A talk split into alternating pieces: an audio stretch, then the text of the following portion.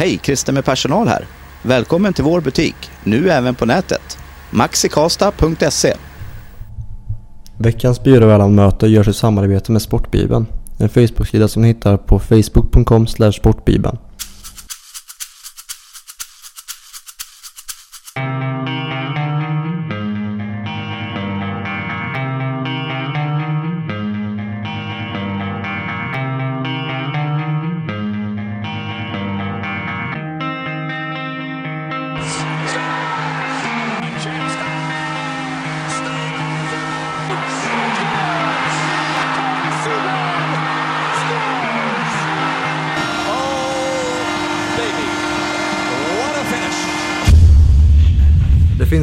Många klassiska nummer i svensk hockey det, som har använts av ja, både NHL, SHL och elitserien eller SHL. Det är allt från Peter Forsberg, Jö- Jörgen Jönsson som har haft nummer 21, Love Eriksson just nu i NHL och dagens gäst Börje Salming.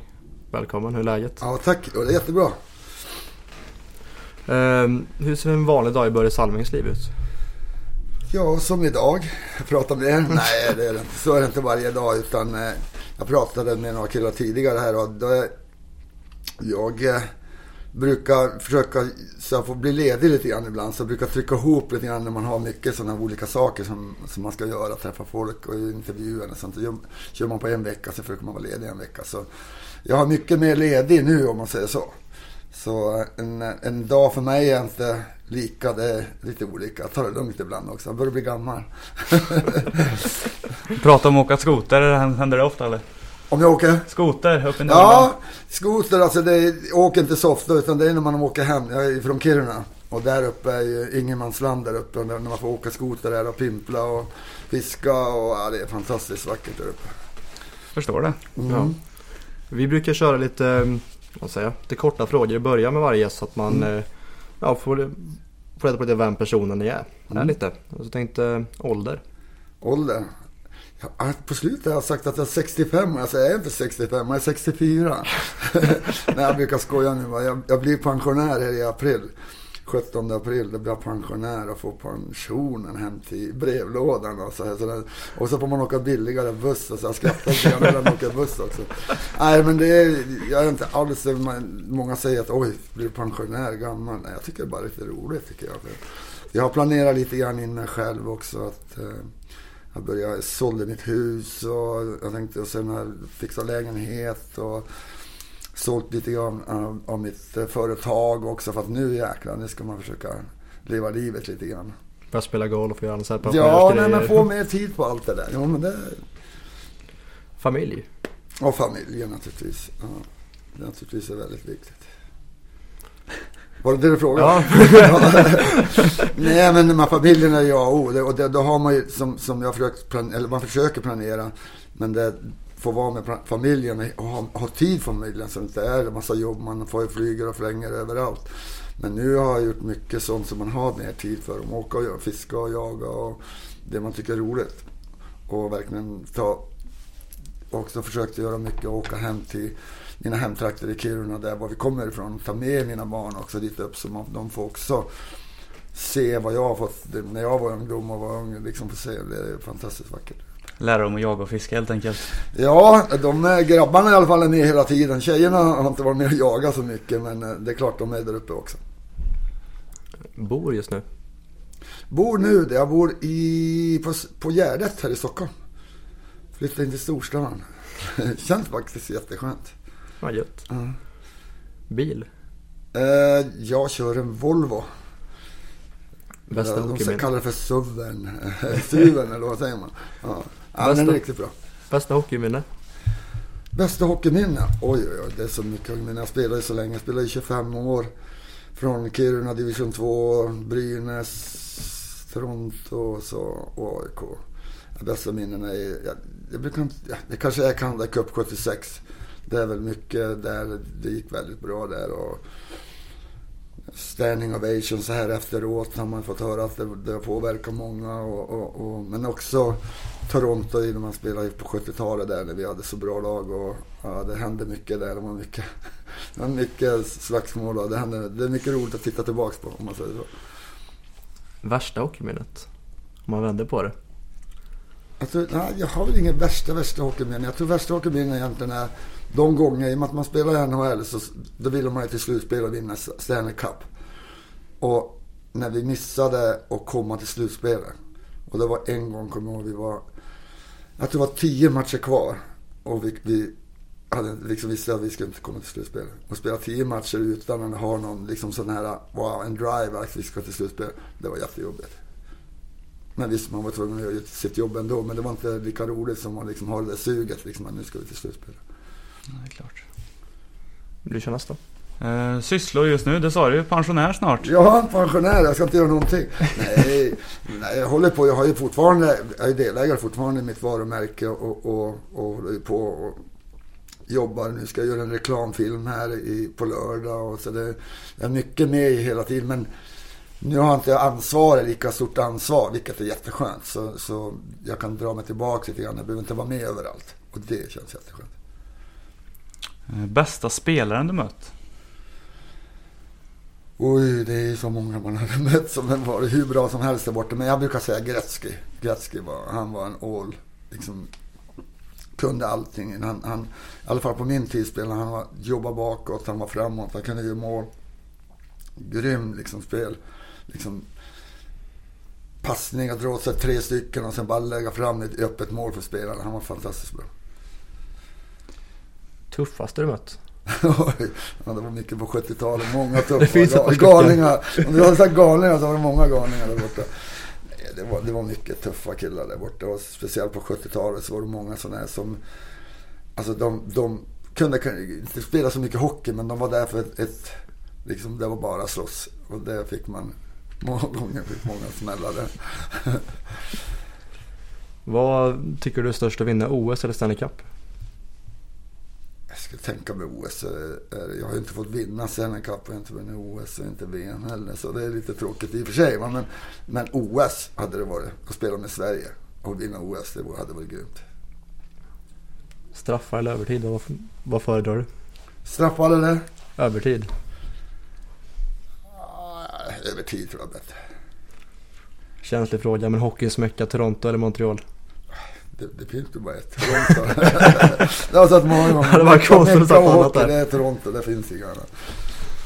Eh, vi tänkte dela upp lite så här i olika man säger, faser. För det finns ju ja, dels NHL, Sverige-tiden, det finns lite, Mm. lite efteråt och så. Tänkte börja med uppe i Kiruna. Mm. Uppe i, som du sa, ingenmansland. Mm. Hur eh, var det att växa upp där? Det var, det var jättefint att växa upp där. Vi, jag tror man alltid, man kommer aldrig att glömma sin uppväxttid. Jag tror det spelar ingen roll vem man är. Eh, som man höll på, man höll på bara med idrott. Man, man eh, jagade, fiskade och sen hade man ju en familj som vi var ute mycket i skogen och åkte skidor, man fiskade, jagade och sen var man hemma och så spelade man bara hockey. Visst, man gick i skolan också men det törs man inte säga egentligen. men eh, det var mycket hockey. Man, man spelade hockey på, man spelade landhockey på rasten och man, när man kom hem efter visste man möttes man på Mattojärvi idrottsplats som var, hade ett stenkast från mitt hus. Där man, spelade man hockey på, på uteisen och sen tränade man med laget och sen spelade man landhockey ända tills det var mörkt. Ja, det var hur roligt som helst. Plus att man gjorde allt annat. Man spelade, jag spelade handboll, jag spelade, man bowlade, man gjorde allting helt enkelt. Mycket spontanidrott helt enkelt. Ja, det var mycket sånt. Och det är synd att det inte finns så mycket idag. Det, det är lite, men det förstår man kanske om man bor i Stockholm till exempel. Det finns ju inte någonstans att vara egentligen. Nej, det är väl mycket folk på liten yta. Det får Ja. väl inte riktigt plats med alla sporter man kan Nej, det, och det är synd det. Och det Ja. är det som egentligen behövs för ungdomen. Men det är klart det finns mycket mer utbyte nu med allt. Med datorer och allting och spel. Och. Det är roligare med lite grann- dataspel än. Ja, de hamnar mycket där. Nej, det är inte min grej. Ja, din far omkom ganska tidigt i ditt liv i en, grov, gruvolycka var det va? Mm. Hur, hur har det format dig tror du med att växa upp utan, utan en fadersfigur på det här sättet? Mm. Jag tror det har man nog blivit lite hårdare i, i sig fast man hade ju inte... Man hade ingen pappa när man var, man var nere och, och, och man såg de andra hade papporna där och tittade och ja. Man var ensam när det hände. När det var sådana här grejer kommer jag ihåg ibland när man vart ledsen och, och, och hände någonting men då vart man hård och man bet ihop och gick liksom antagligen bakom och gömde sig och, liksom, och, och, och grät eller gjorde någonting sånt. För det kommer jag ihåg. Man gömde sig bara. Sen, eller så bet man ihop bara och man gav fan i det. Utan eh, man fick klara sig själv helt enkelt. Och där tror jag också har man, man, det bygger ju någon, någon slags eh, drivkraft i sig själv att man kan klara sig själv. Jag hade ju mamma. Mamma var ju hemma alltid. Hon var ju hur bra som helst. Men hon var inte där när, man, när det hände saker och ting. Man fick klara sig själv. Man fick slå tillbaks typ när det var slagsmål och sånt där. Men det var, det var bra. Det var en bra härdperiod tänkte jag säga. Men har det på något sätt format dig som eh, inom hockeyn också? Att du på något sätt behöver stå upp för dig själv? Du har ju fått, som alla vet, mycket stryk i din karriär. Mm. Ja, jag att aldrig tror... visa någonting liksom. Ja, precis. Och jag tror också det. Det var likadant NHL också. Och, och när jag spelade. Jag ville aldrig visa att man fick en smäll eller, eller man gjorde illa sig. Då, ibland så gick man in, man bara, om man åkte på en riktig propp så åkte man bara in i, i bås och där föll man ihop för att man skulle inte visa någon. Eller man tappade luften vad som helst. Man vill inte visa att man har på stryk typ. Nej, nej, nej. Det ska man inte. Sen kommer man ut som en galning och vill ge tillbaka. det är lite som en vargflock alltså, att man släpper den. Man vill inte visa att man är svag som vissa. Ja, nej men det har varit så. Mm. Och det fick man att lära sig när man var yngre. Det var ju så. Man, det var bara att liksom, antingen gav man tillbaka eller så gömde man sig undan. Man visade inte att man liksom var svag eller, eller att man grät eller till någon annan. Det gjorde man inte. Du hade brorsan Stigge också Stig, mm. han eh, har förstått i ditt sommarprat bland annat så pratar du om att han var en, en ganska viktig man säger, förebild för dig. Mm. Och att eh, ni också kanske inte alltid drog jämnt utan att det också kanske formade till att du blev ja, stryktåligare. Mm. Ja, absolut. Eh, och han såg jag ju upp till liksom, när han började till exempel spela hockey. Han kanske var sju år. Då var jag, jag, han är tre och ett halvt år äldre än mig. Och då såg man, det ville man ju också göra. Så man hängde ju på han när man inte hade någon skridskor och försökte vara på isen och där. Och, och det har man ju hängt med hela vägen. Liksom från han, när han kom med i juniorlaget, då ville jag spela juniorlaget. Och liksom kom han med i A-laget, men då ville jag också spela A-lag. Så man hängde med eh, liksom, överallt med honom. Så han vart ju som en, en, inte pappa, men som man såg upp till hela vägen. Man ville gå liksom. Jag tror jag följde han hela vägen. Jag följde han hela vägen till A-laget, sen till Brynäs. Men sen där, där gick vi skilda vägar till. Då åkte jag till Kanada och han var kvar. Men eh, han har betytt mycket för mig. På det. Och som du sa också att jag tror också många gånger så när man är äldrebrorsa så där så, så han lärde väl upp mig en massa jävla skit som man inte skulle göra. Och när man gjorde det då, då fick man stryk av honom istället. För det skulle man ju inte göra. ja, så det var mycket kubbningar och, och jag kommer ihåg i, i, i Brynäs också. Så de delade ju upp lagen i två lag. Och vi spelade egentligen ihop när vi spelade matcher, riktiga matcher. Men så särade de på oss. Jag spelade i andra lagen, vita mot svarta lagen. Och när jag gjorde fula saker, då vart han tokig. Men han, han fick göra alla sakerna. Så då var, ja, det, var, det slog i gnistor direkt. Vi slogs ibland som fan. Det så var yngre vet du. ja, var visst. Men då började man ju bli lite äldre så då hade man ju, orkade man ju mer att slåss med. Annars fick man ju bara stryk alltid. Men vad är det på något, är det han på något sätt som har drivit dig mot hockeyn eftersom du ville göra som han gjorde? Eftersom han var tre, år, tre och ett halvt år äldre mm. så antar jag att du inte hade börjat med hockey när din Nej. far dog kanske? Nej, jag För mångas fall så är det ju ja. pappan som drar en ja, till hockeyn. Precis. Nej, ja, det är ju han jag följt. Det är helt klart liksom, att jag har följt med han. Så fort liksom, när vi bodde så nära också. Liksom, han stack var där nere, ja men då var jag där också hängde. Det spelar ingen roll fast jag inte hade någon grille. Jag fick väl någon gammal klubba så var jag spelade med. Eller så fick jag väl raka, vad heter det, fick väl sopa banan där istället. Men nej, nej men det, det var mycket, man, när man, man tittar tillbaka så ser man ju så att jag, det är han jag har följt, det är hans spår jag har följt. Och det har varit väldigt bra faktiskt. Det en bra kille. Bra bror. Inte dumt. Och sen eh, ner till Gävle. Ja. Hur, en Kiruna-pojk nere i Gävle, hur, hur fungerar det? Det, fungerar, alltså det, var ju, det var ju hur stort som helst. Jag kommer ihåg när jag åkte ner. Eller de ringde mig. Det var rättare sagt brorsan som ringde och sa att de ville att komma ner och spela en, en träningsmatch. Eller jo, landslaget var där på träningsläger och skulle spela mot Brynäs. Och så fick jag komma ner och provspela. Och det var ju stort som helst att komma ner. Och jag vet att vi hade spelat klart matchen också. Då, så Ture Wickberg som var, var ordförande i Brynäs. Han kom bara dit och sa, nu går du inte på Herres, och det var någon herraffär liksom, där man handlar kläder. Du går och hämtar ut en jacka och ett par Playboy-skor. Du ska spela Brynäs. Jaha, då var det bara så. Det var inget snack om saken. Och, och det, var, det var ju fantastiskt. Då var jag klar på Brynäs och så fick jag en, Brynäsjacka med Brynäsmärke, en täckjacka. Fan, när man kom upp till Kiruna, tillbaka till Kiruna, var man bra stolt. Det är inte som nu för tiden man ska sitta i förhandlingar i flera veckor och Nej, grejer. jag ser vilken skillnad. Nej, jag fick ett par Playboy-skor och en, jacka. Det var, var Då var det sålt sen. Ja, hur nöjd som helst, eller hur? Bra lön. Ja. Ja. Men eh, det gick ganska bra i Brynäs också. Ni tog väl två SM-guld var det? Ja, vi tog första, så hade, men Brynäs hade verkligen en bra lag också. Och när jag kom dit så var det trygghet för mig också, att brorsan var där. Och sen var ju Tord Lundström från Kiruna, Lars-Göran Nilsson och de här killar som har varit där uppifrån också. Så det var väldigt trygghet och väldigt... Det var tufft. Det var tuffa killar. Det var liksom, där var det inte att liksom komma dit och tro att man skulle kunna... Det var bara att ge 100 procent, annars fick man hur mycket själv som helst. Och det var hela laget. Det var ett grymt bra lag. Och jag tror det var säkert en tio landslagsspelare som var med i Brynäs just på den tiden också. Därför hade vi riktigt bra lag. För det var väl en storhetsperiod där som Brynäs hade just under de så tidigt, tidigt 70-tal. Ja. De, de, de var ju riktigt bra då Brynäs vann ju ett par Ja, Jag var ju där efter att du lämnade. de var, I slutet på 60-talet vann de väl en 5, 4, 4 också. SM-guld tror jag också. De har, och brorsan har ju, tror jag, jag vet inte, jag tror han har... Jag har ju två men jag tror han har 6-7 SM-guld. Så han, är, han har några, några mer än mig. Ja. Du kan trösta mig att du har no, någon mer NHL-match kanske på kontot. Ja, men, ja, men han, han har varit grymt bra. Han hade också kontrakt och skulle åka över till VHA som den andra ligan där också. Men han, då hade han familjen, i, ja, barnen i skolan och höll på att bygga så han tackade nej då. Vilket var, det var synd att han inte kom över och spelade. Sen kom den 12 maj 1973, vet du vad som hände då?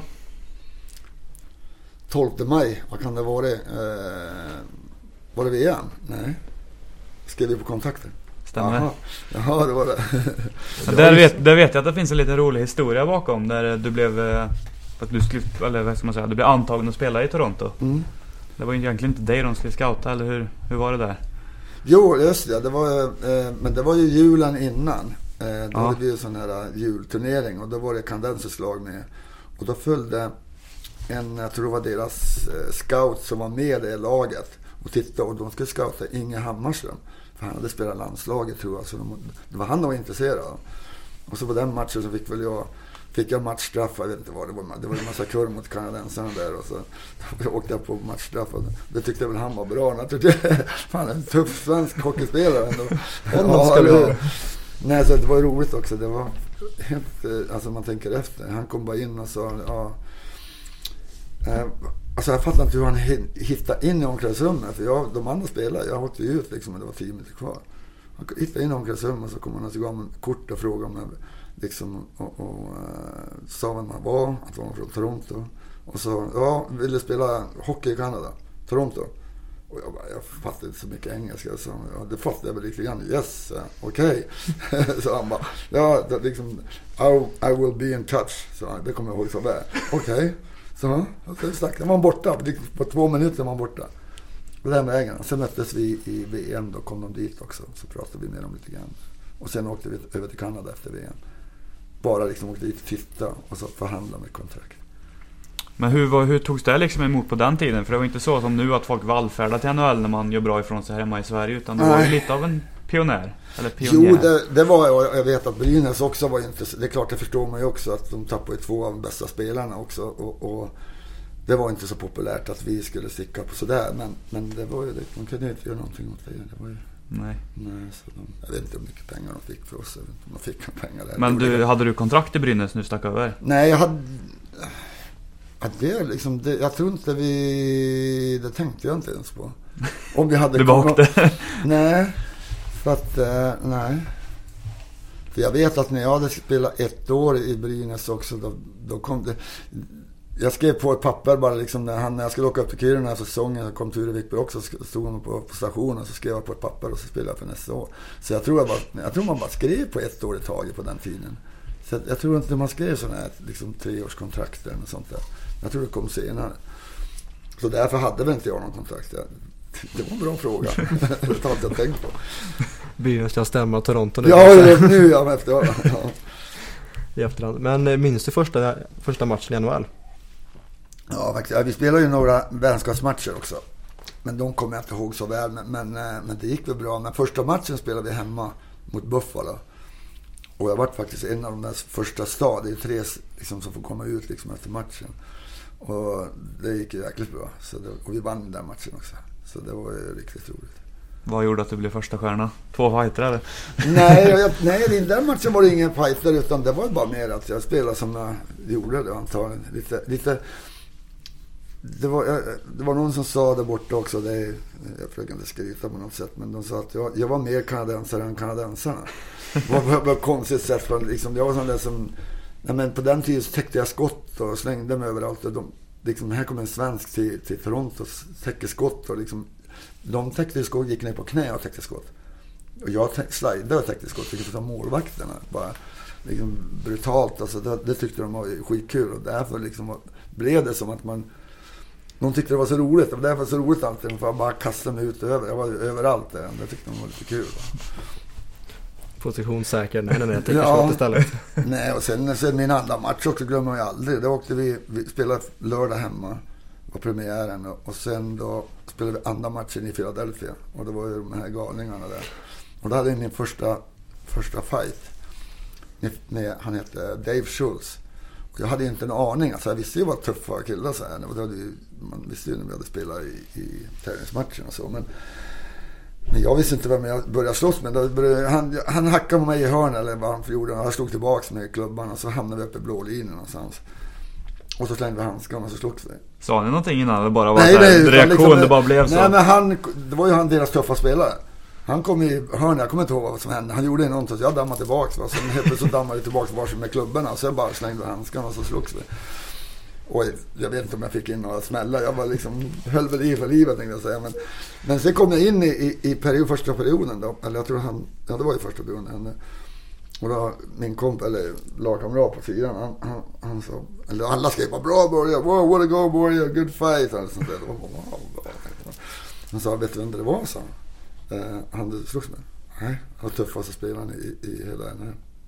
Jaha, det var, bara, det var jävla tur att man inte fick, liksom, hade reda på det liksom. Det var bra. Men alltså, det man inte vet har man inget ont av. Nej, nej, nej, och det gick ju bra som helst så det var ingen fara. Det är bra start att börja med den tuffaste också. Så ja, ja men det var ju, eller hur? Ja, nej, alltså, de var, det, var, det var väl också lite roligt tror jag för, när man tänker på fansen som, som Toronto. Liksom, här kommer man och så slogs man andra matchen liksom. Mot tuffaste killen också. Men just också mot Philadelphia, det är ju ändå... De är berömda för att vara ganska fulla just där under 70-talet. Mm. Broad Street Bullies. Ja. Hur var det att möta dem egentligen? Alltså det var mycket på 70-talet. Men det... Jag pratade om det tidigare också. Det var så brutalt liksom. Det var utvisningarna i dagens läge så har man ju liksom video och man ska titta efteråt och liksom och se man kan bli avstängd fast man ja, domarna missar någonting. Och när de gjorde någonting där borta så var det var två minuter, det spelar ingen roll vad de gjorde egentligen. Alltså det, var ju aldrig matchstraff. Matchstraff fick man kanske om man slogs mycket. Eller om man hade tre slagsmål och man gjorde något dumt där. Men två minuter. Och när det var fullt i utvisningsbåsen. Ja men då tog de ingen. För det gick inte att stoppa in dem. fler Så det var, det var helt sjukt egentligen. På 70-talet. Eh, vilket är bra nu. Nu är de ju stenhårda. Nu de, ju, de får ju böta så in i helsike nu också. Sen blir de ju avstängda på... Ja, de är ju jättehårda när de gör sådana fula grejer. Men det var bara att ta emot, det var ingenting man kunde göra. Men hade de, hade de någon fulknep de Broad Bullies? Alltså vad ska man säga? Mer än de andra eller, eller var de bara fler fighters än alla andra? Eller vad var det som liksom gjorde dem att de var så tuffa tycker du? Men de hade så många och, och sen de hade så många som var så här galningar, liksom halvgalningar. Plus då att när de visste, liksom de, deras lagkamrater visste ju också, de, de andra var ju lika halvtokiga också på grund av att de visste, de hade ju de här som backade upp dem hela tiden. Så då kunde de ju göra med. Va? Så det var, det var så jävla... Alla var likadana, fast visst, de där galningarna. Jag såg en, ett klipp här, häromdagen från 76 och det var, på, det var från slutspel också. Och jag åkte på hur mycket stryk som helst där det var något slagsmål. Jag, bara skratt, jag tyckte det var, var, så roligt att se på. Och det var... Och då hade de de tre värsta som inte, liksom, de kunde väl spela hockey men det var inte så att de skulle spela ihop i ett, en kedja egentligen. Men de hade satt ut dem, varför vet jag inte. Och bara kötta in, skjuta in pucken. Men man lärde sig mer och mer hela tiden man spelade mot de här killarna. de här skulle inte åka in med pucken. De sköt ju in dem. Så då tjuvade man lite. Man in och hämtade pucken i hörnet. Man visste att de kommer. Nu kommer med tre. Det var inte så att de får checka från en sida eller från en annan sida. Utan de kom tre bara. Skulle köra ihjäl i hörnet. Upp med pucken och sen fick man bara skydda sig liksom. Det spelar ingen roll att du spelade iväg pucken sex sekunder tidigare så kom de och körde över den då. De kom med 200 med klubban och allting. De var, de var helt sjuka de där jävla killarna. Men det var deras jobb också som jag har hört förut också. Eller, eller nu efteråt när, när jag pratade med, med vad heter han, Clark, han som var deras kapten som var egentligen en bra spelare. Han sa, Clark, ja. han sa ju också att, att det här kommer från tränaren. De liksom skulle ta bort mig då. Speciellt när vi spelade slutspel. De skulle vara bort mig. Så jag fick ju egentligen inte, inte slåss för det var det de ville. För de var ju, satt jag i utbildningsbåset. Det ville ju inte vi, liksom våra lag. Så jag fick inte kasta men sen var man ju tvungen att kasta. Men i alla fall den här episoden som vi pratade om då. Då trampade jag, det var, det var, nog, ja, det var ju sån där bra när många är inne och slåss och allting. Då. Och då såg jag, det hade zoomat in och det började slåss där. Och så, när jag trampade på en handske, nu skyller jag på det. Och dök på knäna vet, på den andra. Och då stod han och bara matar. Man ser bara hur han slår. Liksom, så men, och sen kommer man ju upp och sen, ja, efter ett tag så är det väl över. Så kom, men sen när man rätar ut tröjan och allting. Då har man, eh, ser man hur man har liksom så här, man bara man är röd överallt och slag i ansiktet. Men man blir bara, vad fan, det gick det. Man skakar man av sig och sen gick man, fortsatte man köra. Så det var inget mer med det. Inga konstigheter. Nej, man blir lite full i skrattet. Men om man ska se det, att tränaren i Philadelphia var den som vill ha bort dig liksom tydligast ja. där. Men hur, alltså om man jämför dig med Bobby Orr till exempel. Mm. Han åkte ju inte alls på lika mycket stryk. Nej. Tror du mycket ligger i, som folk säger att du, du det kallas chicken swede, att du var europé trots att ni var ungefär Nej. Inte lika så men kanske Nej, man... kanske i början. De försökte skrika allting. De skrek allting. De skulle döda en och allting. Liksom, man var nära båset och allt sånt där. Så, men, nej, jag tror inte hade någon... Ja, lite var väl en del som trodde väl. Men det märkte de väl att man inte var någon chicken sweden egentligen. Men det fick man ju höra bara, bara för att de skulle skrika någonting. Mm. Nej, men de visste ju liksom att när, man vart en, en, en av stommen i laget, och visste ju liksom, vi spelade slutspel så visste de att det var ju deras jobb att ta bort mig. Bort mig. Försökte skada mig och allt sånt där. Så. Eh, men det var ju en del av deras, det var deras jobb. De där killarna som hade. Och det fick man ju ta, det visste man ju också.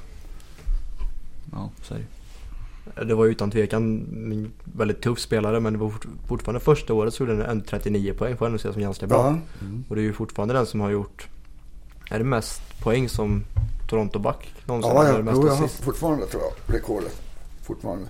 Och det är, det är kul. Jag, hade, jag tänkte inte alls på sånt så mycket. Sånt där med, med att göra mål och sånt. Jag tyckte det var roligare att, att rädda, rädda ett mål. Liksom det. Det var ju kul att göra mål naturligtvis. Men inte vara så att nu ska jag göra ett mål idag eller sånt där. Men, hade ju ett, vilket år det Det var väl 76 eller 77, 78 någonting. Då hade jag i alla fall 76 poäng tror jag ett år. Och jag ser att det är vad de gör nu idag tror jag, backarna. De är inte över 100 poäng eller sånt. Ja, det är Erik Karlsson som rinner iväg. Ja, vad har han då? Han, jag vet inte. Han har ju en bit över en poäng per match tror jag. Jag vet inte vad han ligger ja, på exakt. Ja, just, ja men det, då kommer man ju upp i 80 någonting. Mm. De har väl 80 matcher. Ja, precis. Mm. Det får ses som helt okej. Okay. Ja, han är ju jätteduktig också. Ja, men alltså, nu är det ju så många som är bra i NHL, alltså svenskar. Vi är ju grymt duktiga. Speciellt på backpositionen har vi ju ja, oändligt ja, många duktiga ja. backar. Ja, man tittar också på lagen som ska spela nu i, i World Cup också i september.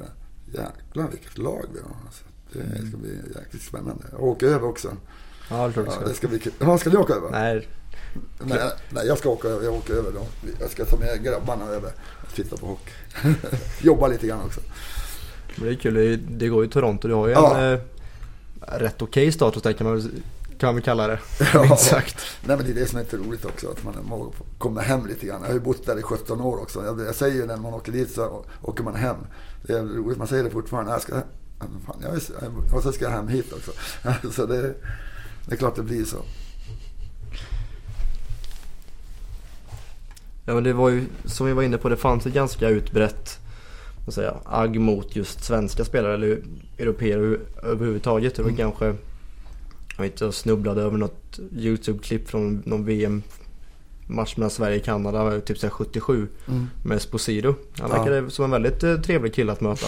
Ja, men, han, men egentligen han mycket när de spelade VM, de här kanadensare, som Esposito, han var ju ingen sån där som, han var ju, gjorde ju mål, han var ingen som slogs eller sånt där. Men helt plötsligt när de kom över och skulle spela i Europa, det spelar ingen roll, de här killarna som, jag vet att brorsan spelade ju mycket VM då, jag kunde inte spela VM, jag var där borta. Så han frågade han någon gång någon, eh, av någon, några killar, så vad fan är det för galen, de är helt galen här borta, så Vad fan, de, de slåss inte här borta än.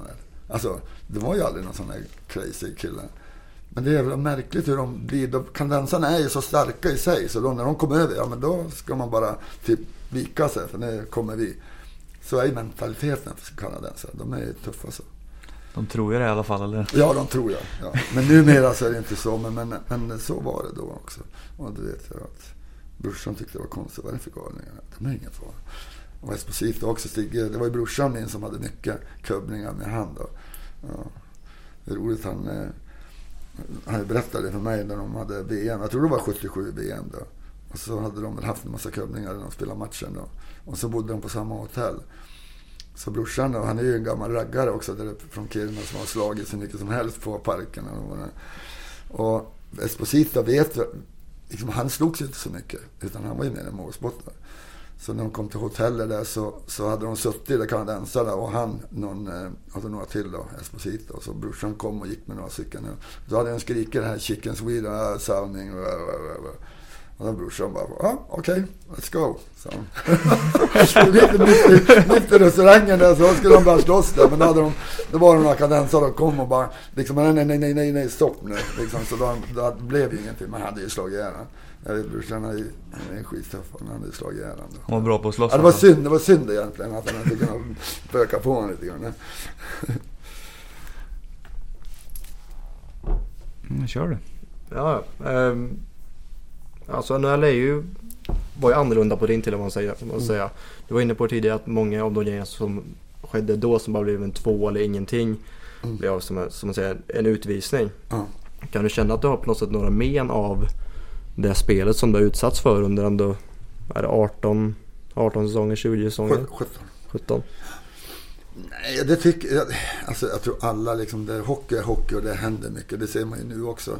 Nu är det mycket hjärnskak, det händer mycket här nu också. Man har, det är mycket accessoarer. Det var likadant då också. Jag tror inte det. Jag tror inte det har någon betydelse egentligen. Jag tror det är mer att vilken spelstil man har tror jag. Men min spelstil var ju mycket också, jag var ju mycket offensiv då liksom första åren var jag defensiv och sen vart jag ju en av de som spelade liksom på powerplay överallt och då var det ju mycket och därför hamnar man i helt luften då blir, händer det mycket och då försöker de ta bort den på ett bra sätt. Eller, idag så blir det ju, är det kanske lättare på det viset men idag är man tycker jag hockeyn är så mycket bättre på grund av att det finns bättre material och alla mera vältränade. Man, man är, större, kraftigare på, på något sätt. Nu, tror jag. Allround, liksom alla. Och bättre hockeyspelare. Du lär ha märkt direkt när du kom över på något sätt att det var mycket annorlunda spel än vad det var i Sverige när du kom över till NHL. Att det var mycket tuffare och det var rejälare. Mm. Hur, du, man har ju aldrig hört någonstans att du inte kände dig som Forsberg till exempel kände sig inte att han passade in direkt när han kom över för det var så tufft och hårt. Men du, ja, man har aldrig hört att du inte, att du liksom kände att här passar jag inte in. Nej, jag hade inga problem alls med det. Men jag, jag, var det på grund av att du var så pass tuff eller vad? Jag var ingen, jag var ingen slagskämpe sådär inte. Utan jag skulle ju spela hockey. Men jag, fan, jag gick bara ut och gav järnet. Jag vet inte. Jag tyckte det var bara kul att spela. Det var jävligt roligt att spela.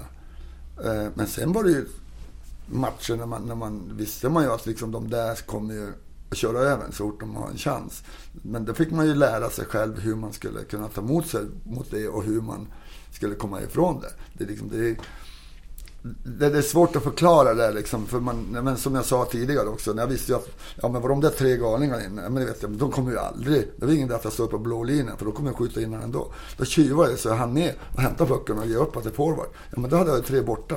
Så det kunde vi liksom gå, gå ner med tre mot två. Ja men så, så mycket lärde man sig. Det lärde man sig hela tiden om olika saker, hur man skulle bete sig. Och det blev väl kanske tuffare med tiden också? Jo, jo, det är klart man, man, fick, man lärde sig också. Man var tvungen åt dem. Jag menar, när vi i slutspelet så sa min, min coach och sa, du får inte slåss. Du får inte kasta handskarna. Så då stod de och skrek nej. När de försökte liksom, ibland så stod de där och så kom, kom an sa han, kom an. Stod de och kastade, kastade handskarna. Och då, de, de bara, nej jag fick inte vara för då ville de andra att jag skulle sitta i utbildningsbåset. Och i och för sig så det tyckte jag var skönt. Fan, det är bättre att spela hockey istället än att sitta det, kanske... Men sen ibland så kom man liksom, hände någonting liksom i hörnet. Ja, men då hade man ingen chans. Då, hade, då smällde det ju bara. Så då var det bara, då var det bara att köra hårt. men ni hade ju också ett Tiger Williams ja. i Toronto då, samtidigt som du var där. Mm. Det var rätt skönt att ha han det kan jag förstå. Ja. Ja, men det var, och det var det som vi var ju tvungna att ta hit några killar. Vi fick ju en eller två, tre killar som var, och Tiger var en sån kille. Han var ju helt galen liksom och slåss och sådär. Jag tror han, alltså han fick mycket stryk men aldrig liksom. Han kom alltid tillbaka och stod igen liksom. Han var helt fantastisk. Och det, det var sådana som man ser nu tillbaka också. Vet man att han, hade man inte haft han då hade, de, hade man kanske inte hållit på så länge kanske. Men det var viktigt på den tiden det var så. Jag förstår det. Vad, som säga, hur ser du på det fighting nu idag? För jag förstår att på, på, din tid så var det en del av spelet men nu börjar det mm. försvinna mer och mer. Liksom. Mm. Vad, du som ändå är uppväxt eller man ska säga med det där. Vad, hur, hur, ser du på det där? Tycker du det tillhör sporten eller är det tycker, eller ska vi undvika sånt? Nej, jag tycker, tycker slänger man handskarna och slåss. Jag menar, man gör inte illa sig så, så mycket. Om inte, alla är så bra tränade nu så man, man jag tror, jag tror det gör ingenting. Liksom. Vill man göra det så får man väl göra det. Liksom, de som vill slåss, slåss. Men det är klart, är det en stor jäkel som hoppar på någon mindre, det är klart, men då är domarna där och, och hjälper det. Det, vet de, de, det är de jättebra på där borta.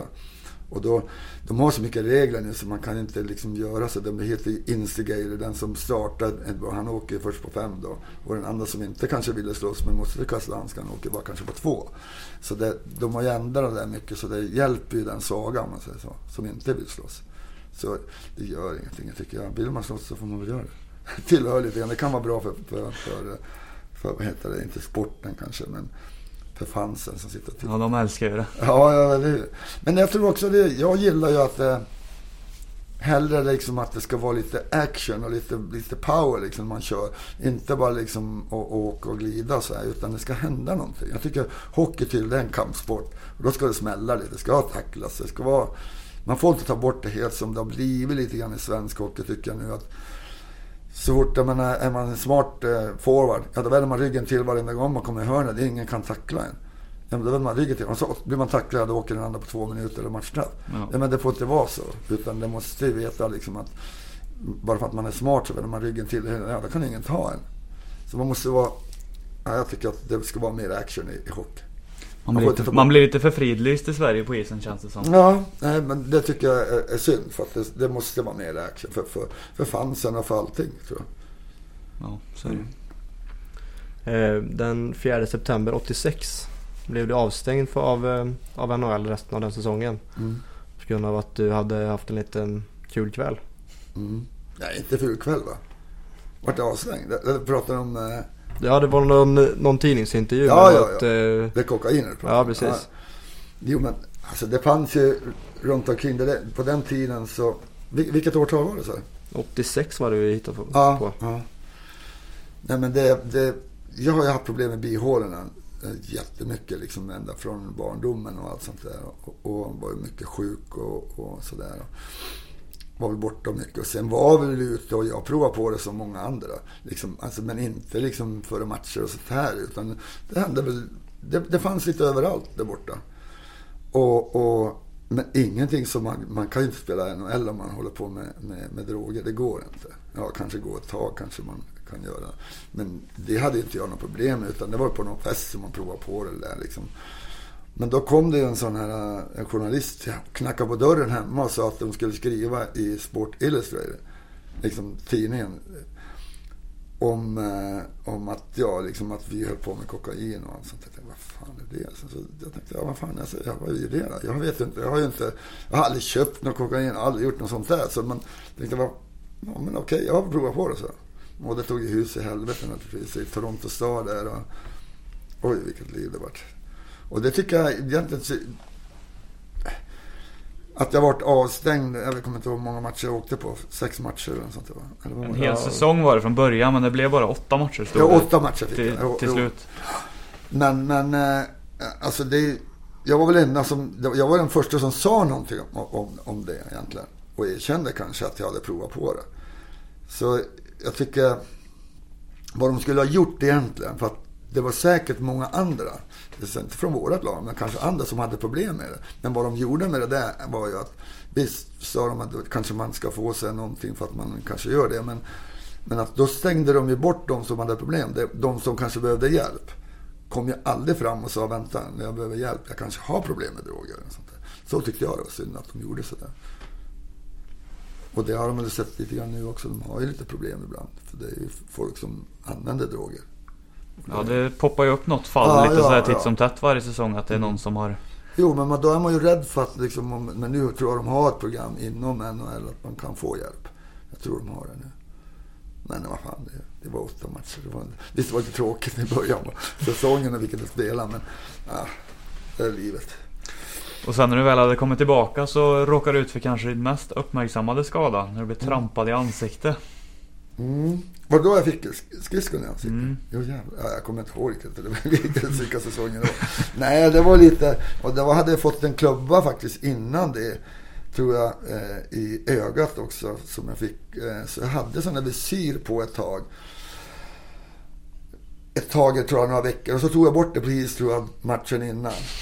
Och så fick jag, stamp, jag trampade med ansiktet. Ja, det, alltså det är helt, när man tänker efter vad dumt det var liksom, att man tog bort det. Men, men jag fick ju nästan, jag fick mest själv av min familj. Liksom, att jag hade tagit bort visiret. Man tyckte det var lite dumt själv. Det såg inte så vackert ut. Nej, det var... Det är ett rejält R. Va? Det är ju ett rejält R. Ja, alltså, det, ja, ja, det, men jag hade ju tur ändå för att jag hade ju jag menar, skridskon gick in och så gick jag in så hade jag liksom, vad heter det, vet, de här äggarna, två äggarna som man åker. De hade två kanter längst in här så den gick inte rakt över ögat som tur var. Annars hade jag skurit ögat i hälften så hade jag en jävla döfta där så jag klarade ögat. Så man får ju se det så. Det var så så, vad fan klarade ögat liksom. Det var, det var inte så farligt. Men jag spelade ju, jag spelade efter en vecka spelade jag.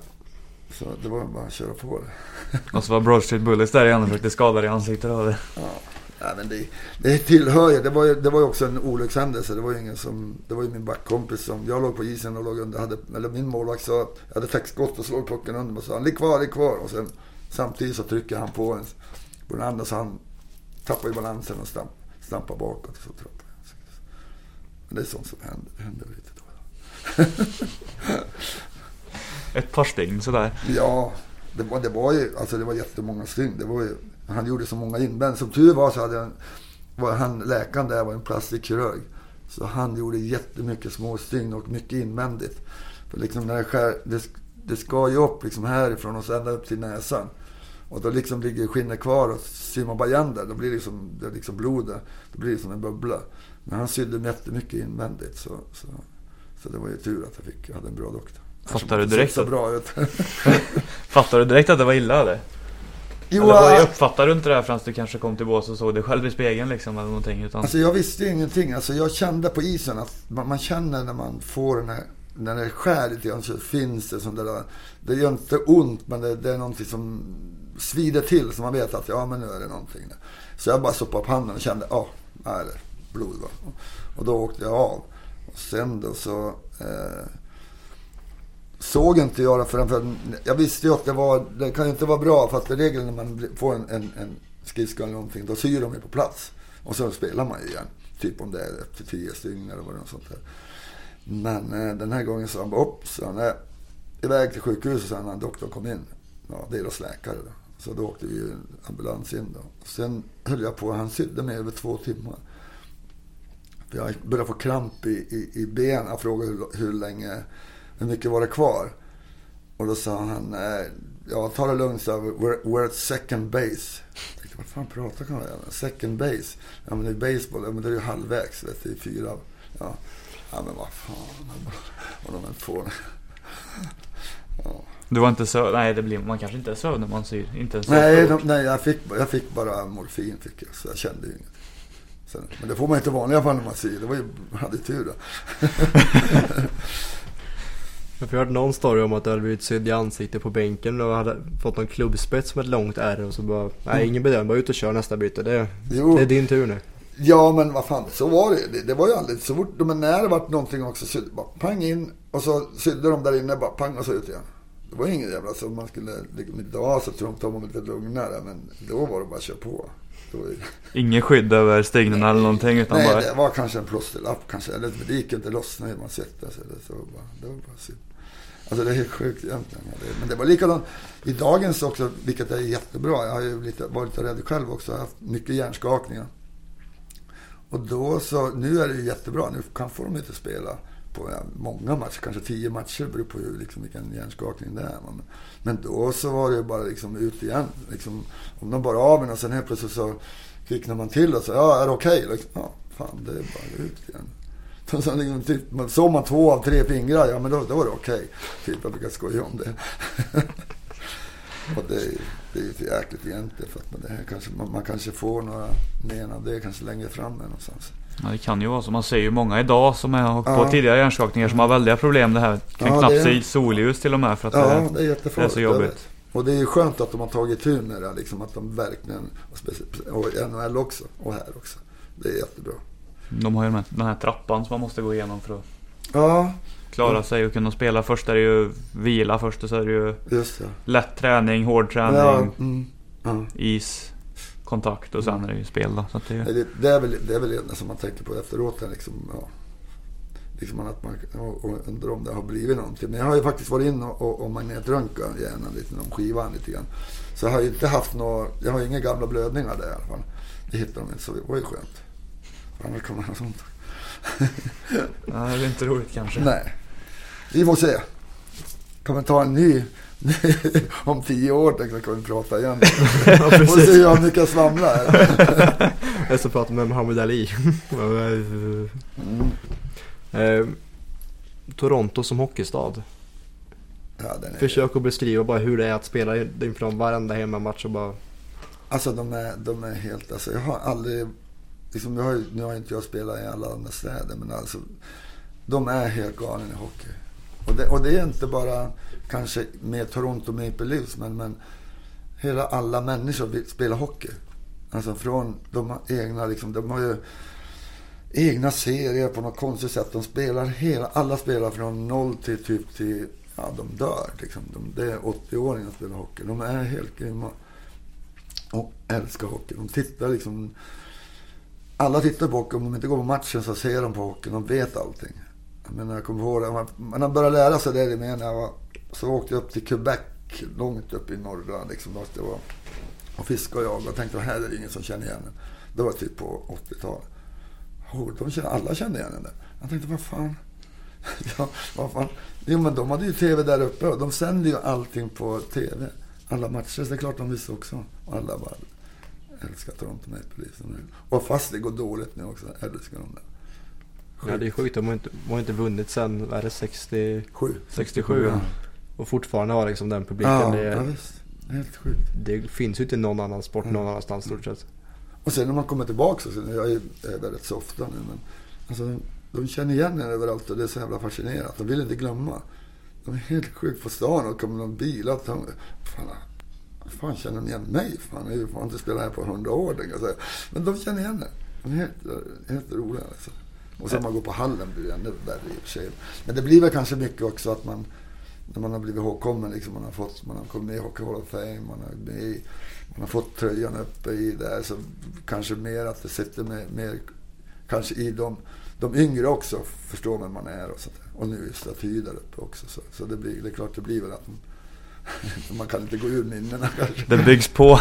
Ja, det blir ju något sånt. Att, ja. Men du nämnde det, Hockey Hall of Fame. Ja. Det är ju kanske det största man kan eh, få, eller största erkännandet man kan få som en hockeyspelare i stort sett. Ja, men, men det är Första det också. svensk också. Men de säger det, det är så stort där borta. Jag tror inte vi förstår det här borta, liksom, hur stort det är. Och att allas, och det, tittar man på en hockeyspelare så är det det största man får vara med. Och det var någon som sa där på slutet, de sa att eh, liksom, du får namnet på Stanley Cup-bucklan får du namnet. Men här, here, you're here forever. Så liksom, det är lite fint när man tänkte på det. Ja, just det. Här är man bara alltid liksom, ja, det spelar ingen roll. när min, när mina barnbarn tar sina barn hit liksom, och, ja, det, jag känner det fan, det var vår släkt liksom. Det, det är lite coolt ändå. Att de kommer ihåg. Men insåg, insåg du liksom direkt att jävlar det här är stort när de väl ringde dig? Eller var det så här du var tvungen att tänka ett tag och att liksom att ja, det är faktiskt stort? Jo, men, men det var stort faktiskt. Och, och jag hade väl en tanke på att, liksom, att man kanske skulle komma med. Och det, man må- måste ju vara tre år innan man kan komma med där också. Men jag tror... Uh, jag, jag har varit uh, rörd av det. Liksom, när, när jag fick telefonsamtal. Jag fattade liksom... Jag trodde inte jag skulle bli rörd, men liksom så. Men när han la på, när jag la på då, liksom, då, då, liksom, då sjönk det in.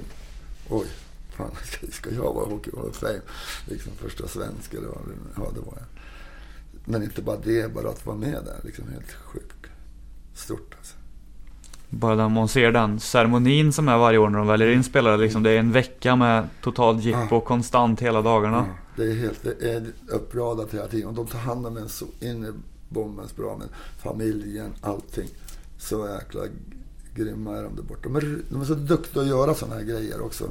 Och då gör de inte kanske bara för oss heller, utan för fansen också. Att de ska få också en upplevelse när det händer. Det som är så roligt med det. Och sen är det en historia i allting också. I, alltså, i alla som har spelat där igen, igen och varit de här liksom, dominerande spelarna, de här duktiga spelarna. Det är klart att det är kul för ja, till exempel vår generation. Som, ja, vi, när du slutade var det 92, då, var, då, då fanns vi inte ens. Vi var inte ens påtänkta Nej. liksom. Men att vi fortfarande vet liksom att okej, han gjorde det här, det här, det här. Mm. Så det är en sån, det är en sån grej också. Som visst kan är få det. saknas i Sverige. Men jag tror också att det är det, de, det är det de är bra på det och det är därför tror de kommer ihåg en sån här och inte vill glömma den här. Utan de, det är inte som kanske i Sverige bland de yngre frågar och vem är du då? Ja, lite grann så. Men där borta så blir det som generationer. De berättar liksom så här, pappa berättar det var min favorit och, och, och sådär. Och då vet jag, då blir det som en favorit för dem också fast de inte har sett den spela. Sen när, de, när man träffar dem då blir de bara wow, Fotografen. Och så, ja, fan, jag är ju 65 nu. ja, nej men det är roligt. Alltså, det, det är så roligt. Men samtidigt när man, jag är ju där rätt så ofta när jag ibland, det kanske en vecka, så det är väldigt skönt att komma hem också. För det är så intensivt där borta liksom, så man, man, man tycker det är skönt att vara lugn och ro också. Men klarar liksom av att gå och vara anonym där borta eller du blir stannad Jo. i varje hörn och du får skriva Nej, autograf och såna grejer eller hur? Nej, men runt hallen så är det, ju- här får, blir man inte anonym. Liksom. Men det, men på stan, visst, det, det är ju mycket. Det är ju, Toronto har ju mycket liksom, olika eh, människor liksom, från olika länder där också. Så jag tror många som kommer dit kanske inte har en aning om hockeyn heller i och för sig. Men eh, i stora, stora hela så är de, de är, går man på stan eller går på köpcentrum så är det många som känner igen en fortfarande. Men det blir, man blir inte full i skratt egentligen. Och det är det som är roligt när man tar med sig någon, alltså tar med sig kompisar eller familjen med sig. Det är så fascinerande. De, innan man, alltså man försöker förklara här, berätta.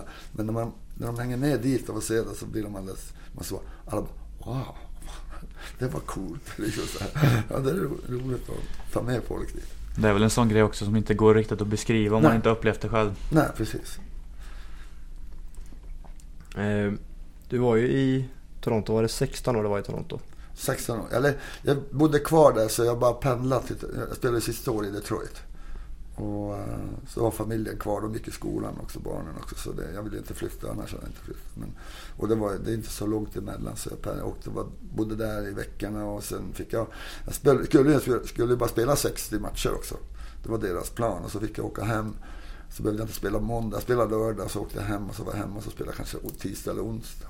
Vilket var jätteskönt. Då kunde jag vara hemma med familjen också. Men varför blev det just Detroit och inte stanna kvar i Toronto? Var det... Ja, nej, det är en bra fråga och jag, jag tycker så här efteråt så skulle jag stanna kvar. Jag hade ett år kvar med Toronto och de ville ju att jag skulle spela också och, och, och jag sa själv också nu ska jag bara, nu är det på, vi började prata om också att flytta hem också. Och, och skulle spela kanske ett år till. Men då var det att, att Detroit, jag, tänkte, jag har tänkt också börja spela så länge där, sen kanske man ska spela någon annanstans och se hur det är. Och sen var de på på mig mycket. Liksom, Detroit ville ha dit mig då. Och jag har ju ingen agent så där. Jag hade bara min advokat så där, och de pratade direkt med mig. Och då gick jag tillbaks till Toronto och sa men nu har jag fått en bra, bra kontrakt då. För då hade jag bra kontakt med dem också men jag fick ännu mer. Eh, och sa men kan ni matcha det så stannar jag kvar. Nej, då trodde de, de trodde inte på mig. De trodde att jag liksom körde en liten grej där. Och det sa, sa de efteråt. Att de trodde att jag höll på att fippla lite grann. Men eh, så sen när, när ja, men gör det då sa de. Och sen när jag gjorde det, då fick de en liten, liten halvchock. Men vad fan, vi trodde ju inte att det skulle flytta dit. Men det, vi hade väldigt roligt där i Detroit. Det var, det var, de tog hand om mig hur bra som helst. De var riktigt bra. Det var kul att spela där. Men så här efteråt så skulle jag nog spela kvar, kvar i Toronto och spela där. Men det känns ju lite konstigt när man tittar bara, Det, det är ändå en Toronto-legend som bara Jaha, Detroit ett år. jo, jag vet. Det var lite, det kändes, eh, men ändå så var det roligt att få göra det. Men så här efteråt så kanske man skulle ha gjort det. Och jag kommer ihåg min, min ägare också, Harold Ballard. Jag kan inte säga att han var som min far, men han tog hand om mig väldigt mycket. Och han, eh, vi kom bra överens, eh, liksom jättebra. Så jag var min bästa kompis där alltid. Och vi pratades vidare i omklädningsrummet efteråt och vi pratade om allting. Möjligt familj och allting. Men där var liksom, han dog året efter, han var ju över 80. Men när jag träffade honom så gick jag upp och pratade med honom eh, när vi skulle spela där. Och gick och pratade med honom, han satt där uppe. Jag förstår att han var nog besviken på mig att jag flyttade. Och det, var, det, det, det, gjorde, det gjorde ont i mig själv också att jag gjorde det. För jag kände liksom att han var riktigt besviken. Han var inte arg men ja, det var lite tråkigt också tycker jag. Var det lite sötman att vinna också kanske som gjorde att du flyttade? Trots att ni missade slutspel där med Detroit gjorde ni va? Ja, jag tror det. Det var väl Deadwings-eran du gick dit också under? Ja. Det var Deadwings-eran du gick dit Alltså den eran när Detroit inte vann någonting. Det var ju de vann ganska mycket ett tag, sen var det ingenting och sen kom storhetsperioden som just nu. Just, ja, så mm. tajmade lite fel också. Ja, ja men, det, men, det, men det var inte det egentligen att jag skulle vinna Stanley Cup eller så. Det var inte tanken egentligen. Det var, inte, det var mer att jag provade på någonting nytt.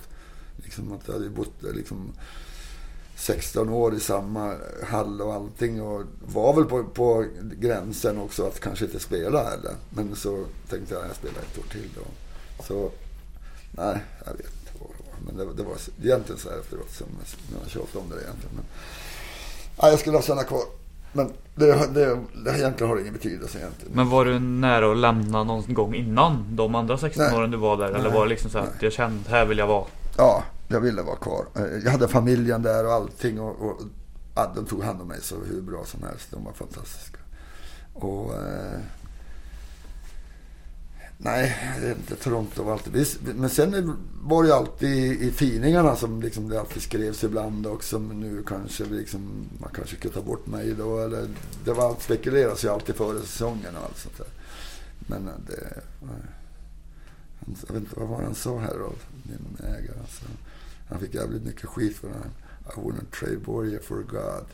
Så skrev man i tidningen.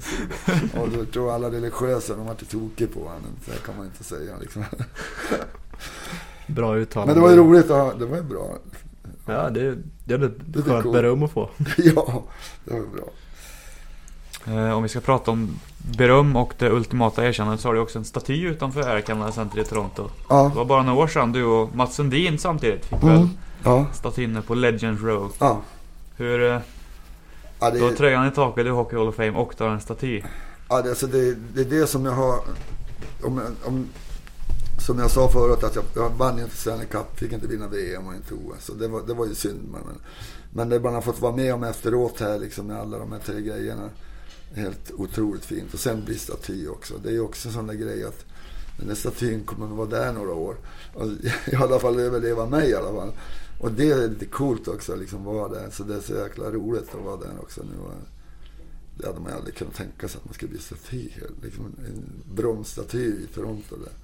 Ja, det, är, det är riktigt coolt. Och det förstår man ju också med alla andra också. När man, wow, en staty. Det är, liksom, det är inte första gången liksom, det är inte många som har blivit statyer egentligen om man tänker rätt. Ja, det är riktigt, det är riktigt roligt. Och det var jättekul också med Sudden också att vi två svenskar som har spelat ja, där liksom. Och, sen, och det är ju bara, det är ju, det är ju bara fem stycken som är där just nu. Förstår man? Man blir lite, egentligen tagen att det man så många hockeyspelare som har spelat runt också som har varit grymt bra. Och så är man staty före dem också. Där är man lite stolt igen. Du får gå dit och polera när du kommer dit sen då. Polera ja, på det. Ja. Nej, nej men vad roligt. Darrow Sittler, han var ju min kapten också. Han är också staty där också. Han var ju gången innan. Men han var rolig att berätta för mig. Vi träffades ju efteråt och där. Vi är jättebra kompisar. Men han sa att han, han kom ut med sitt barnbarn där gick en dag. Och så var det några, några snorungar som var och klängde på, på statyn där. Och han sa, han visste inte att, att det betydde så mycket för honom. Han tyckte det var coolt. Men, men jävlarna, sa han, Fan, de klängde och hängde på min staty, sa han. Och då sprang han dit och sa, vad fan gör ni? Försvinn härifrån, det är min staty. och sen när han hade gått därifrån så Oj, vad fan var det där? Han visste inte liksom vad han hade reagerat. Men han tyckte liksom, det här är min staty, jag fan i den där. Det var lite roligt, jag skratta ihjäl. Han tyckte det var så roligt. Men när du väl fick samtalet där om Ja. Du sa att du började nästan gråta när du fick Hockey Hall of Fame-samtalet. Ja, men ja. Eh, när de ringde från Toronto och sa att du ska bli staty, var, var ungefär grät, samma reaktion eller? Nej, jag grät inte den gången. Men alltså, jag fick ju höra att de, jag visste ju att där hade blivit staty. Och sen att, att man kanske hade en liten sån här, kanske man skulle bli staty. Men man visste inte hur många statyer de kommer att sätta där. Ehm, så visst hade man lite tanke kanske, men, men aldrig så där tidigt som, som det hände också. Så det var, jag var med som en liten halvchock att ska jag bli statyn helt plötsligt. Det var, det var, man, man, hängde, man hängde inte riktigt med. Men, men det var ju fantastiskt roligt. Också. Man är, man är, det är, alltså man är stolt över allting man har gjort och fått vara där, i Toronto och spela där. Och, men det är man ju väldigt stolt över. Man går där och tittar på statyn. Sist när jag var där så gick jag förbi. Då gick jag, det regnade så gick jag förbi och så bara Tja! så man höjd och man var så Då var jag tvungen att skicka tillbaka. Jag hälsade till mig själv där borta. Så jag skickade sms hem. Vad roligt egentligen. Ja, förstår det. Men du var ju så här, i, i Toronto i ett gäng år. Men varför var du aldrig kapten? Du nej, kom aldrig upp eller var det bara att du tackade nej eller? Nej men det är också, det är också en sån där grej. Precis samma sak. Det skulle jag tacka ja till naturligtvis. Men på den tiden så var inte jag så haj på engelska. Och jag var inte den här... Äh, gillade inte att hålla på med pressen. Så här. Visst, jag pratade med pressen och allting sådär. Men, men inte det. Och sen är det mycket, var det mycket också. Jag hade lite... Alla gillar det här med att hålla tal och allt sånt där grejer. Och är man kapten, så då är man ju helt löften hela tiden. Liksom man ska, och sen ska man vara nära management och kunna prata med alla om laget och allt sånt där. Så, och jag var inte redo för det tyckte jag. Utan jag ville mer vara jag ville vara med laget. Liksom, laget, spela med laget. Och det hade väl varit med ändå. Men jag var ju kapten, så då var det ingen kapten. Utan då hade vi tre Arn istället. Och då var jag kapten ändå. Så det var det de ville. Det spelade ingen roll, jag var ju kapten ändå. Så, det, så var det hela tiden. Så det var ingen stor grej egentligen. Men så här efteråt så har man, tycker man också, vad fan tog jag det för en jävla idiot? ja men, förstår jag, alla andra skulle väl tycka det var ah, vad coolt, det vill jag vara kapten. Jag vill vara kapten. Men jag hade haft de där ambitionerna att vara frontfigur sådär. Utan jag bara, ja, som jag sa tidigare, jag tycker det var roligt. Det roligt som fanns att spela hockey och vinna för Toronto Maple Leafs. Det var hur kul som helst. Ja, det var... Det tog ingen lång tid innan du sa nej alltså. Det var bara så här att nej, kapten vill jag inte vara. Eller kände du så här? Alltså, Nej, men de frågade mig, de frågade mig två olika, två år i rad. Liksom, frågade mig. Och här har Ballad, min ägare, också tog in mig. Börje, kom igen. Alltså, liksom, han försökte verkligen övertala mig. Så, men nej, nej, det gick inte då. Då var, det var benhård då. Men, men vi, som, som jag sa också, vi sa vi väl vara tre an också. Det, och det tyckte de väl okej. Okay. Men det var väl första gången i Toronto inte haft en kapten. Just nu har de ingen kapten. men ändå så var jag som var kapten ändå. Så. Det är ju på något sätt, ja, vem man än pratar med som är svensk om just det så kommer man inte undan det där med standing ovations i Air Canada, i uh, Maple Leaf Garden, förlåt. Mm, mm. Det är nästan pinsamt. eh, 76 mot USA i Canada Cup där. Mm. Går det ens att med ord beskriva hur mäktigt det är? Alltså att stå där och bara höra. De bara står och skriker i mm. flera minuter. Alltså jag, är, det har ju alltid varit en sån där också som aldrig har jag har inte brytt mig som om jag har gjort mål eller ingenting. Så just då när jag fick den här standing ovation tyckte jag det var mer pinsamt att stå på isen. Alltså jag tyckte liksom att titta på lagen. Så det var mera liksom att jag, jag skämdes lite grann. Men man tyckte liksom, fan ska jag stå liksom, här ska vi spela match och liksom. Det var inte, det var inga... Men efteråt så har jag förstått att det var, och, att det var hur stort som helst. Och det förstod jag efter matchen också. Vi slog i USA men de ville prata med mig mer om standing ovation än, än om, om, matchen. Så det var, då förstod man att det hade blivit stort. Och sen efteråt när man fick höra jättemånga människor från Sverige som har, att de har gråtit framför radion och allt, allt sådär. Så då förstår man ju att det var stort. och det var ju mycket för, för att idag så ser man ju hockey varje dag. Man ser det på TV. Man kan ju se alla matcher nästan. Där såg man ju ingen match utan det var ju först i Canada Cup 76 som visade hockey där borta. Så det var ju lite därför tror jag Surprise, surprise vad, har han gjort där borta. Varför fick han en standing ovation? Jag tror det var mer så att alla bara fick frågetecken på det hela. Så, det var skillnaden. Men visst, det var ju stort. Det är kul. Kul grej. Men sen ska man veta också. Jag trodde, vi har ju hållit på, på dividera själv i mina tankar. Att var det mot Kanada eller USA? Men det var mot USA första gången, men jag fick likadant mot Kanada. Det är nästan ännu större. Kanada, jag fick också ovation. Och det berättade de för nu när jag var där borta. Så berättade de, berättade de för mig det. Att du, det var båda, båda gångerna. Var det det? Ja, det är det jag har inte fattat själv liksom. Det, det, är nästan ännu mer sjukt man tänker bara Ja. mot Kanada, i Ja. Kanada, Och i Kanadas sport. Ja, och då hade jag liksom också Darryl Sittler, Len McDonald och eh, vem var det mer som spelade i Kanada från vårat lag. Och jag spelar i Sverige och får standing ovation och de får inte standing ovation. Det, är lite, det, är lite, det kändes lite konstigt. Men det var ingenting du hade förväntat dig eller? Nej, inte en aning alltså. Nej. Björna, vad heter han? Björna Johansson, Björn. Han spelade i backplan med mig. Han, han var intresserad efter mig. Han sa, vad fan håller du på med? Han är, han är lite rolig. Vad håller du på med? sa han. Fan, jag ska ju också komma på isen. Jag fick ingen stämning. det är så roligt. Ja, vi skrattade åt det. Och så gjorde du mål samma match också. Ja, ja, det var ju också roligt. Du kände att jag, jag vill Ja, ha mer jubel och uppmärksamhet. Ja, det var... Nej, men det var ju roligt. Och så gick vi, vi spelade, jag har ju spelat i USA med 5-2 tror jag också. Det var ju riktigt kul. Och sen att vi spelade i Toronto, det var ju häftigt egentligen. Det var jäkligt häftigt. Det var det. Jag visste man ju, men jag hade inte en aning att de skulle, för de är så patriotiska. Så jag trodde aldrig liksom, det skulle, jag hade kanske en liten tanke kanske att de bu, inte bua kanske, men lite så åt det hållet sen. Inte liksom det där. Det var fan. Att de vänder ryggen för att du är svensk menar du? När det, Ja, när nej, det är vet nationerna ja, som tävlar ja, mot varandra? precis. När det är Kanada, de är ju så patriotiska. de- Och de, Kanada älskar de ju också när de spelar. Så det är... Ja, ja. Det är spännande. Mm, ja, det är 30 år sedan. 40. 40, 40 år, år fy sedan. fan vad gammal jag är. Ja. Jag tänkte på det också bara, hur länge sedan var det? 30? Ja, det- ja, det är det. Det är fan 40 år Ja, sedan. det är 40 år. Ja, herrejösses. Ja, det är sjukt. Mm. Ehm, sen hittade vi en annan kul sak när vi ändå är inne på, på lite hyllningar. Du kom med i in- internationella hockeyförbundet hade en omröstning bland ett gäng journalister Mm. från tror jag 16 länder fördelat på Europa och USA. 54 journalister tror jag det var. Ja, Mm. med eh, bästa femman genom alla Mm. under 1900-talet. Det är Du, tre ryssar och Gretzky. Ja, och det var, det, alltså jag, det, det där är svårt att förstå. Det, de tog det på, eller 100 års jubileum typ, eller sånt på 100 år. Och, och så kommer jag med i, i, i det här återlaget. Alltså det är ju helt sjukt.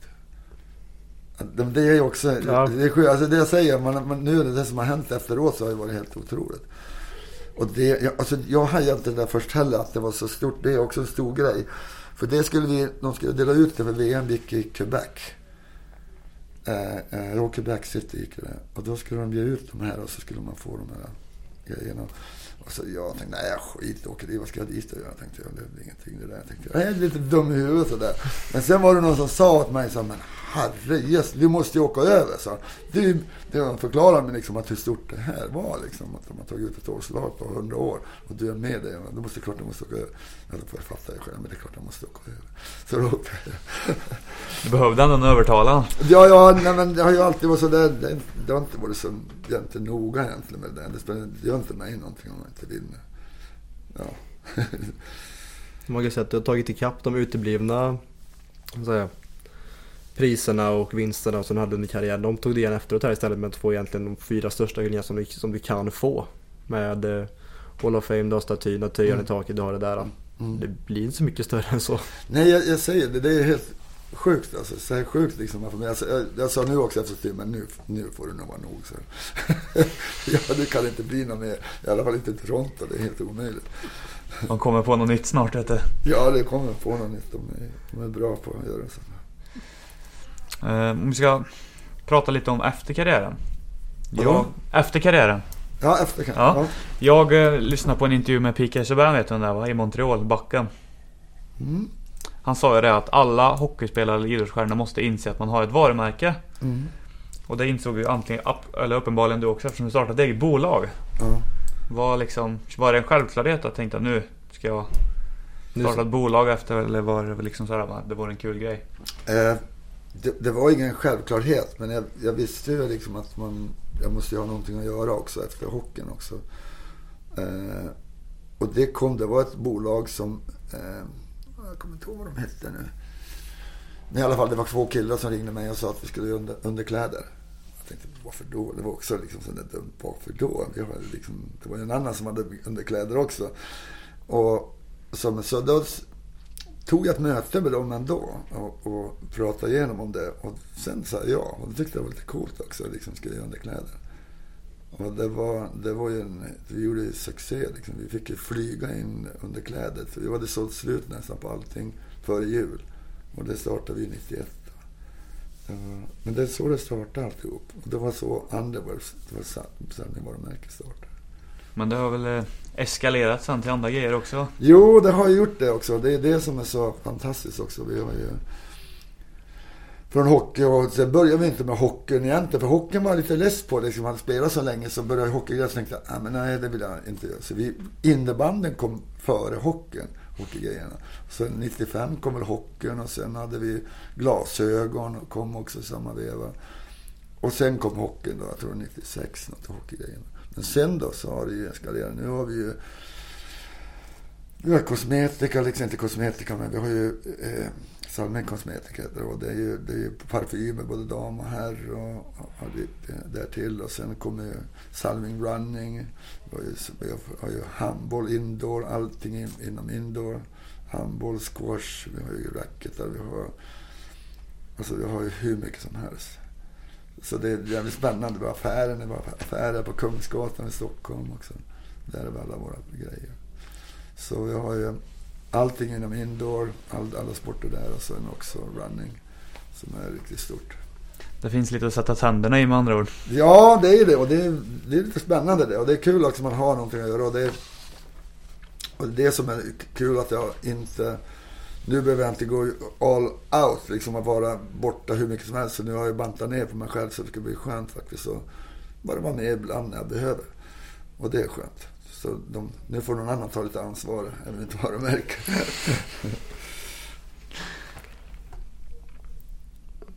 Ja, vi läste någonstans att du har haft lite, du- ja, vi var inne på lite tidigare, men alltså så här, skador som är upptäckt efter karriären. Som Mm. till exempel, vi läste att- någonstans att du hade problem med några leder och knät och så. Mm. Hur mycket märker du av? Alltså, du har ju varit, haft ganska rejält mycket grejer om man ser Mm. under karriären. Ja, men, alltså, jo, nu nu märker man av det, men, men jag tror, jag brukar säga så också. Eh, att alla andra får lika, det spelar ingen roll vad du håller på med. Men håller du på bara med en dator hela dagarna så kommer du få ont i axlarna där också. Du får med en av någonting och sen blir man äldre så blir man väl, får man ju sina krämpor. Alltså kroppen blir ju äldre. Men jag har hållit igång efteråt. Jag tyckte, när jag slutade så tänkte jag säga jag ska fan inte liksom bli någon soffliggare.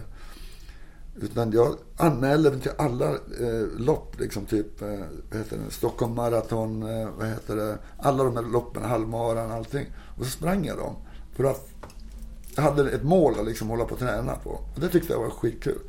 Och sen dess eh, har jag nu springat så mycket. Nu har jag dålig, lite dålig höft, men det är inga problem med den just nu. Men, så då, nu springer jag inte så mycket utan cyklar mycket och, och gör allt sånt där. Och tränar.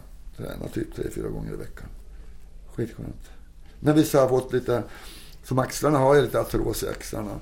Men det håller jag på att bygga upp nu med en PT som, som gör olika, som har studerat i det här med axlar och liksom ska försöka få det att liksom få tillbaka det här liksom, eh, ja, hur, som det ska fungera egentligen. Och det är, så här vältränad har jag aldrig varit. tror jag. Det är verkligen riktigt, det är riktigt skönt. Det är kul också samtidigt. Man känner liksom att man, man har inte lika ont. Man ser att oh, det kan bli, nu blir det förbättring. Och det är på grund av att man som nu bygger han upp min rygg och alltihop, hela helheten. Inte bara axlarna, utan det är, kroppen är ju hur mycket muskler som helst på ryggen.